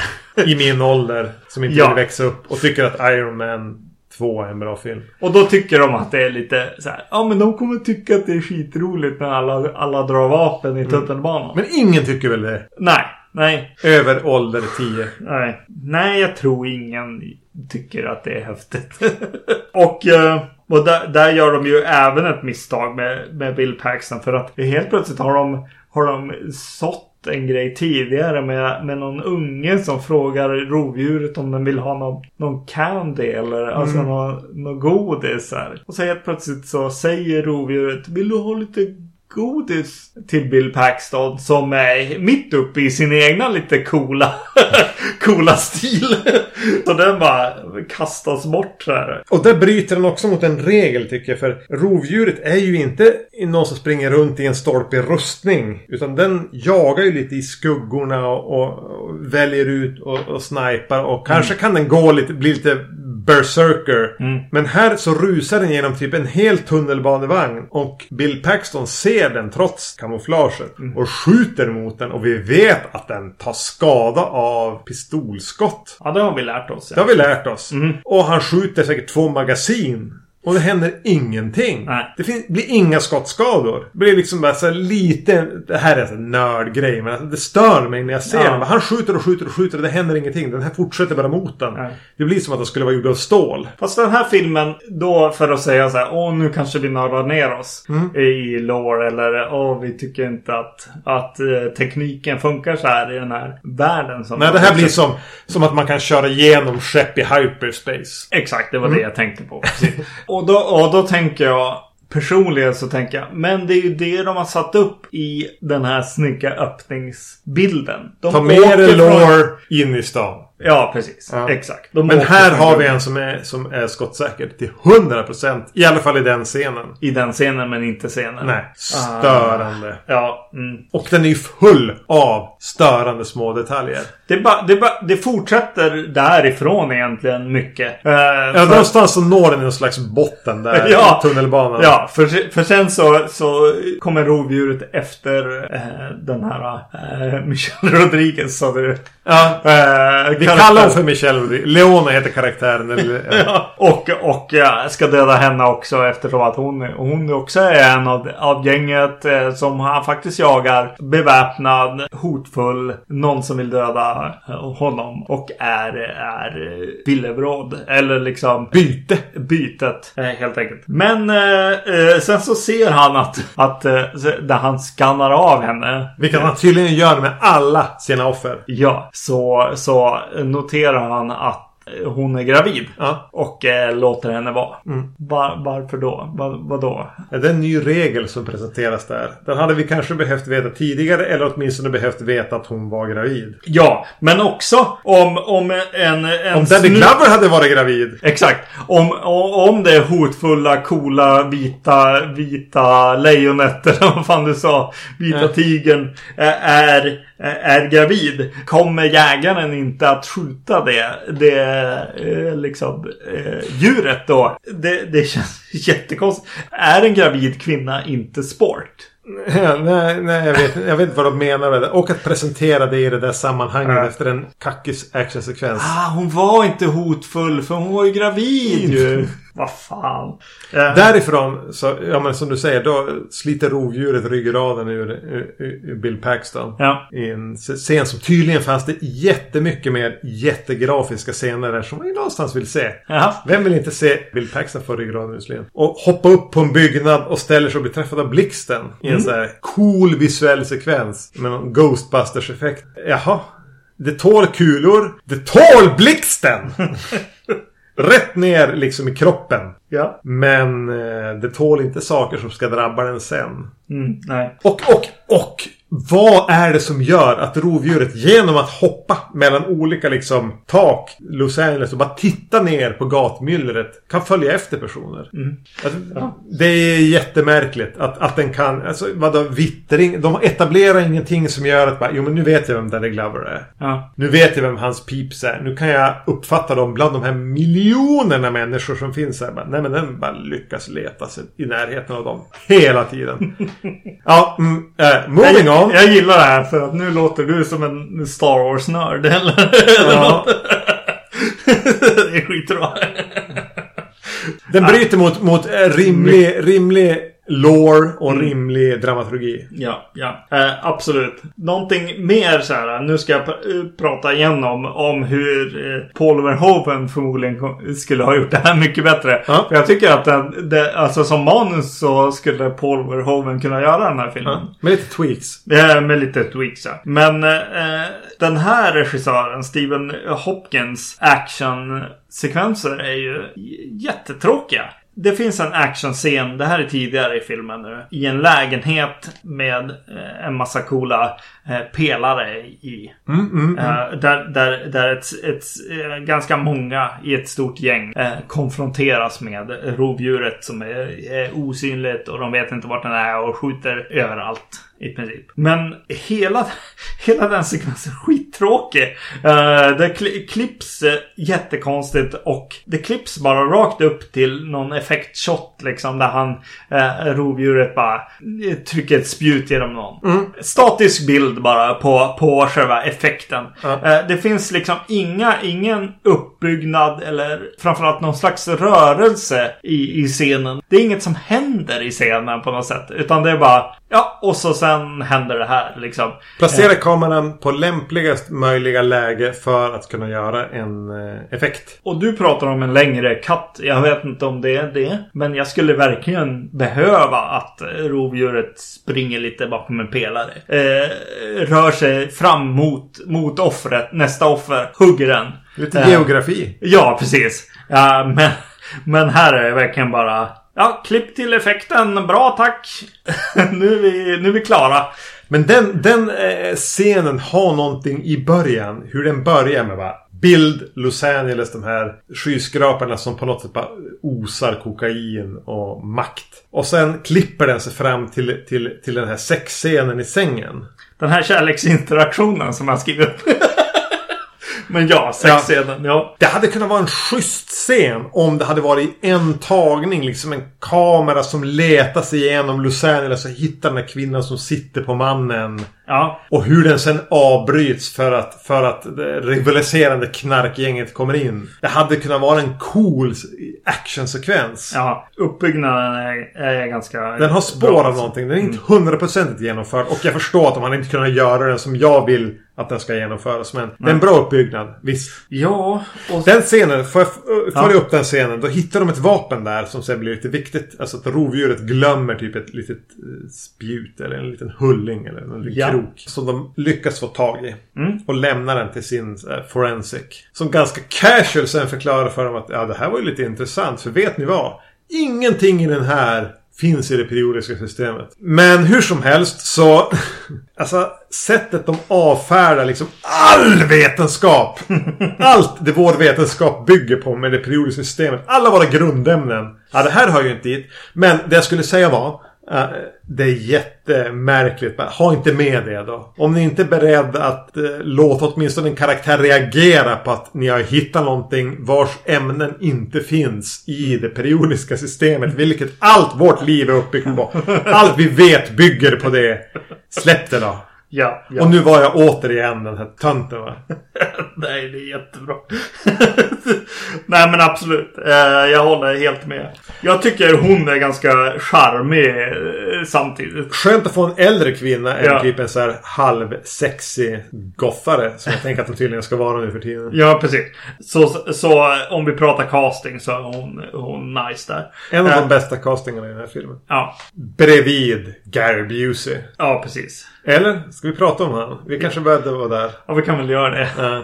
Han är karaktären som kommer in från sidan. Som är den som verkar veta någonting om det här hotet som, som dödar både poliser och gängmedlemmar. Kanske har en kännedom från det som hände i den här djungeln för några år sedan. Jobbar för CIA var är de till och med. Vi säger det va? Eller FBI. Ja, ja. Någon av de där som, som snuten inte får röra vid. Tydligen var tanken att Arnold skulle spela den karaktären. I, Ja. i något manusdraft. Mm. Sen finns det med eh, i det där Gary Busey de har förhört han och han rymde från dem. Så det är där, från han de har fått Intel. Ja. Och bla bla bla. Men de känner till rovdjuret och de har en, har en task force som ska försöka fånga och ta del av den här teknologin. Mm. Som de ju redan har eftersom vi har en stackars obducent som sitter där med ett föremål som inte finns med i periodiska systemet. Nej. Nåja. Men Gary Busey är ju alltid Gary Busey. Även om han är väldigt tillbakahållen här. Ja, jag tycker att han är... På ett bra sätt. Ja, på ett bra sätt. Ja, Ja. absolut. Jag tycker han funkar bra här alltså. Ja, men vid sidan av obducenter. Jag hade inte tänkt på henne men jag- jag håller med nu när du säger det. Ja. Men så är Gary Busey den som fungerar bäst. Ja, absolut. Och eh, här kanske man ska blicka in i framtiden lite grann. Ha fel förmodligen. Men här öppnas ju min, min tanke om att okej, om Gary Buseys son spelar Gary Buseys son I, den nya filmen som vi inte har sett än. Nej, precis. Eh, I The Predator. Vilka fler kan komma att vara med i The Predator? Mm. Det känns nu när jag eh, går från eh, trailers och annat. Det är någonting som göms. Något som eh, har blivit dolt här. Det kommer att vara, vara lite Arnold. Vi kommer att få se Danny Glover i de här filmerna. Ja med tanke på hur kassa trailers vi har sett till Predator så Ja. får jag ju hoppas att det är Danny Glover, ja fan Gary Busey med robotben. eh, Jesse Ventura med i en järnlunga. Alltså vad som helst. Jag är beredd att ta vad som helst där. Jag, jag kände på mig Bill nu. Paxton utan ryggrad. Just det, precis. Vi kommer... Han kommer nog inte dyka upp. Nej just det. Tyvärr. Det blev nästan osmakligt. Tyvärr. Men... eh, absolut. Michelle Rodriguez. Ja, ja precis. Jag tror absolut att, att, att Michelle Rodriguez kommer dyka upp i The Predator. Eh, mark my words. Ja men som sagt, Gary Busey här fungerar rätt bra. Han får en schysst roll i det att han blir som karaktären, nu har jag inte namnet på skådisen, men karaktären i första Ghostbusters heter Walter Peck. Han är den som bara rusar in och är myndighetspersonen som på något sätt ändå har rätt i sammanhanget. ja. Så bara, ja men vi måste i Ghostbusters bara, vi måste stänga ner de här kärnreaktorerna när jag öppnar i New York City. Ni har inte tillstånd.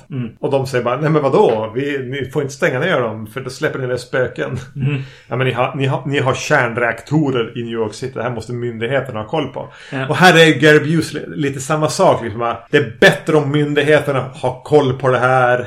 Jag vet att jag trampar på tår. Jag tror jag citerar en ordagrant där. Men det är bättre så här. Ni måste tro mig. Ja. Och man köper ju lite den principen. Jag gillar den karaktären som kommer in. För han har ju egentligen rätt. Mm. Sen har de en övertro på sig själva. Ja, precis. Och eh, Danny Glover förvandlas till någon slags superhjälte där. Mm. Men bra använd karaktär. Ja. Synd att de delar han mitt i tu. ja. Någonting som jag vill bara reiterera om, om vi inte har pratat om det nog. Så måste jag säga att vad heter det, ljuddesignen och musiken. Du gillar musiken här. Nej, jag, jag, nej, jag gör inte det. Nej, Uh, ljuddesign, musik, klippning, eh, det mesta. Folk har jobbat på första filmen förmodligen. Eh, många av de här har gjort det. Och de, de får inte... Det blir inte bra. Alltså, Får inte det blir, ihop det här. blir my- mycket sämre. Och, och jag kan bara avsluta på något sätt den tankegången med att John McTiernan är en fantastisk actionregissör. Eller regissör kanske till och med. Och sen, sen alla hans, hans lagliga grejer får jag väl läsa på lite mer om. Och han, ja, han verkar ju ha lite, lite problem. Han kan vara en jävligt rutten människa men han Ja. kan ju fortfarande vara en skicklig regissör. Exakt. Det finns många exempel på det. Ja, det finns det absolut. Och eh, det är ju den här eh, John McTiernan. Absolut. Och, och här lämnas folk som kan göra bra grejer. Eh, vind för våg.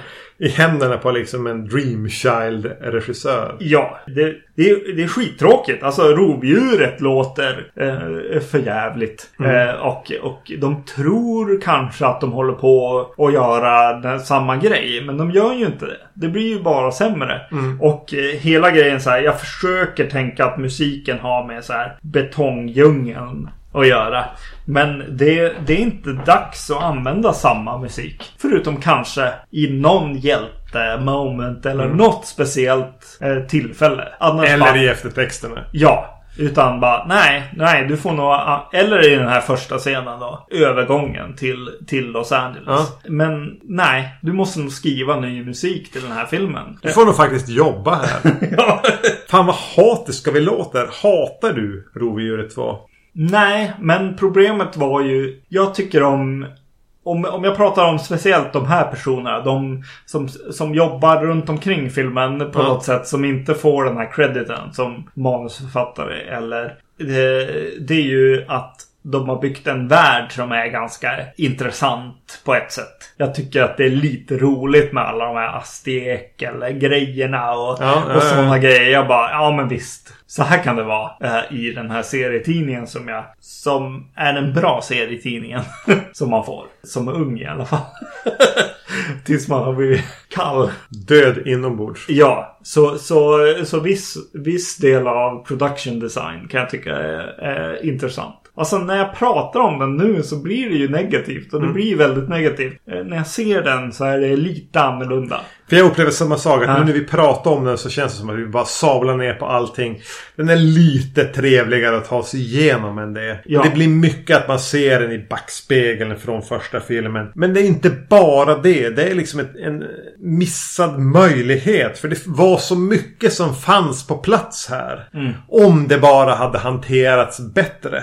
Men sen vet jag inte. Jag har fastnat lite grann på den här tanken som har myntats kring eh, Star Wars. Att det är ett så här unexpandable universe. Att man får en känsla när man har sett de första tre Star Wars-filmerna. att Oj, det finns så mycket berättelser där som jag vill veta mer om. Det finns så många världar, det finns så många karaktärer. Men så fort någon har gjort någonting med det så har det blivit skit. Och lite grann här att Predator, det man får se i första filmen var Oj, vad gör de? Var kommer de ifrån? Vad har de mer jagat? Var jagar de nu? På jorden bara. Det finns så många berättelser. Men när någon försöker göra någonting med det så blir det bara skit. Eh, Även om sammanfogningen av Alien vs Predator är på papper perfekt. Det är den så här perfekta mergen. Ja. Eh, Så vi får ju se då eh, nästa avsnitt vad, vad Ja, precis. Jag tycker det är så tråkigt alltså. Det finns... Nu, ska, nu blir jag Star Wars-nörden här då. Och tycker att masken, alltså själva, själva rovdjuret ser inte alls lika cool ut. Mycket, mycket sämre ansiktsrörelser. där, där första filmen tänker tanken krabba. Så går den här bara fullt ut. Bara, ja, men, ska- Never, never go full krabba. Nej, precis. Vi, vi, vi kör krabba hela vägen. Eh, Det är det folk vill, vill se. Men det är inte det. Det är inte det jag vill se. Och jag vill inte heller se olika masker. Jag tycker att första filmen har en cool mask. Som Ja. man har på sig den här metallmasken som man har i början av filmen. Jag tycker alla grejer där man adderar mer häftiga saker på masken eh, blir bara sämre. Och de gör flera varianter och exempel på hur masken kan bli sämre eh, i slutet av filmen. Eh, Men vad tycker du om den sekvensen då när Danny Glover har till slut har spöskiten ur, ur det här jävla eh, rovdjuret. Och det dyker upp, vad är det, typ sju till? ja. Det är fine tror jag. Ja, för jag är okej med den Ja. scenen. Särskilt måste jag säga att jag är okej med den här, vad ska man kalla det för, byälsten. Som kommer in bara, jag har ingen jävla mask på mig. Nej. Jag eh, ser ut så här.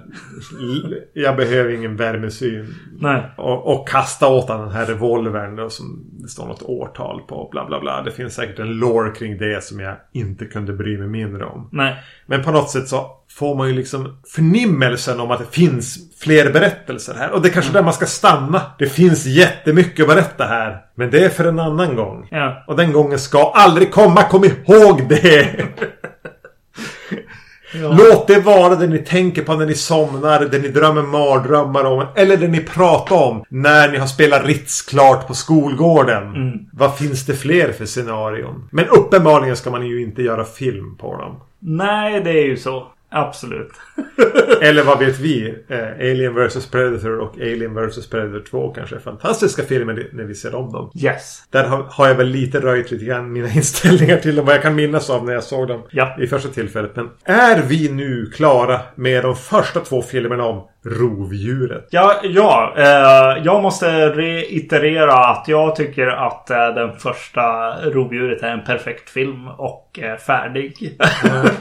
Jag är inte där. Jag säger inte att jag är inte där. Jag tycker väldigt mycket om den. Ja, det, är- det är Framförallt första två tredjedelarna. Mm. Jag tror att det är... Vi har pratat väldigt mycket om att vi, vi inte säger så här, ja men fem av fem eller, eller så. Det finns någon slags skillnad mellan liksom eh, kvalitet i sig kontra favorit. Favorit är ju det intressantare här. Ja, och eh, det är det jag pratar om. Ja. Eh, Rovdjuret är en av mina absolut favoritfilmer. Mm. Eh, absolut. Och den har inte snöat in lika mycket hos mig. Men uppenbarligen tillräckligt för att jag ska ge den ett högre betyg än vad den kanske förtjänar. Om man skulle komma in i den nu. Nej, nej, nej men det går ju inte att ha, nå ha någon slags eh, eh, distans till den här filmen i, i, i Jag har fall. lättare att hitta angreppspunkterna på den. Ja. Rovdjuret 2, som jag som sagt var aldrig haft någon relation till uppenbarligen. Det bästa med den är den här sekvensen som söker sig in mot en sexscen. Eh, ja, det är nog det. Alltså, ja. Att man vaknar till i den sekvensen säger ju något om filmen ändå. Alltså där du pratar om den här åkningen mot den här sexscenen. Och den är alltid bättre som idé än vad den är genomförd. Eh, ja. Men nästa gång ska vi prata om uh, rovdjuret mot eh, möter aliens. Ja. Två filmer det finns det där. Från 2000, eh, vad kan det vara? Från 4 och 7 eller något sånt där. Yes. Ja, vi höftar lite grann. Inte sett dem som, sen typ 2004 och 2007. Nej. Det ska bli faktiskt intressant att se om. Ridley Scotts favoritfilmer. Jag har hört det. Han ser dem före eh, frukostgröten varje morgon. Ja. Eh, tills dess då. Vi finns på Instagram. Privat är det väl snarare, handlar det snarare om då. Du heter Eh, Zombie-Magnus. och jag heter Erknym. Vi som podd finns på iTunes och andra leverantörer av podcasts. Ni kan nå oss på Facebook framförallt. Enklast där. Kritik, eh, förslag, eh, beröm. Följ oss gärna. Gilla våra inläggen och då når vi ut till fler. Vi finns även på vacancy.se och man kan mejla oss på podcast.vacancy.se. Fan vad det är mycket att tugga sig igenom det där. Fy fan för sociala medier. Men vi avrundar där och ses och hörs strax. Hej! Hej.